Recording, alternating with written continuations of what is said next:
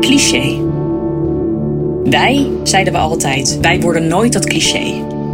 Van die uitgebluste ouders, kinderen om half acht op bed en dan niks meer tegen elkaar te zeggen hebben. Van die stellen bij wie zelfs een kus op de mond lichte weerzin opwekt. Dat nooit. Nooit. Nooit! Nog liever sterven in het zadel dan zonder weerstand en ondergaan. En dus zitten we hier nu samen op de bank te scrollen door een jeugdige app.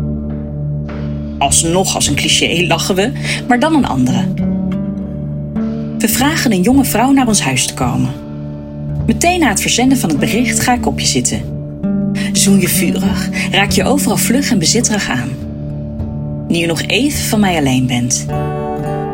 Kun je verlangen naar wat je al hebt? Of moet je daarvoor eerst kwijtraken? Ze is jonger dan ik dacht. Knapper ook met dat donker opgestoken haar, die roodgestifte lippen. Wil je wat drinken? Vraag jij aan haar. Alles gehebt? Antwoordt zij. Bubbels. Ze is nog Vlaams ook. Met dat glas in haar hand gaat ze naast me op de bank zitten. Ik kijk haar lang aan. Zij mij. En ik voel dat jij ook naar ons kijkt. Ik leg mijn hand op haar kaak en kus haar teder. Haar borsten voelen zacht en stevig tegelijk, als hele sappige rijpe nectarines. Jouw voetstappen komen dichterbij nu. Je begint ons beiden te strelen. Ik trek jouw shirt omhoog en leg mijn wang tegen je blote onderbuik. Zij doet hetzelfde en tegen je buik aan kussen we verder. Tot zij jouw gulp openritst en je onderbroek naar beneden trekt. Je piemel springt vrolijk tussen onze gezichten in. We lachen. Ik kijk naar boven, naar je gezicht. Ik kan heel goed naar jou verlangen nu. Zij begint aan je eikel te likken en terwijl ik je ballen in mijn mond neem, blijven zij en ik elkaar aankijken. Dan trek je ons omhoog.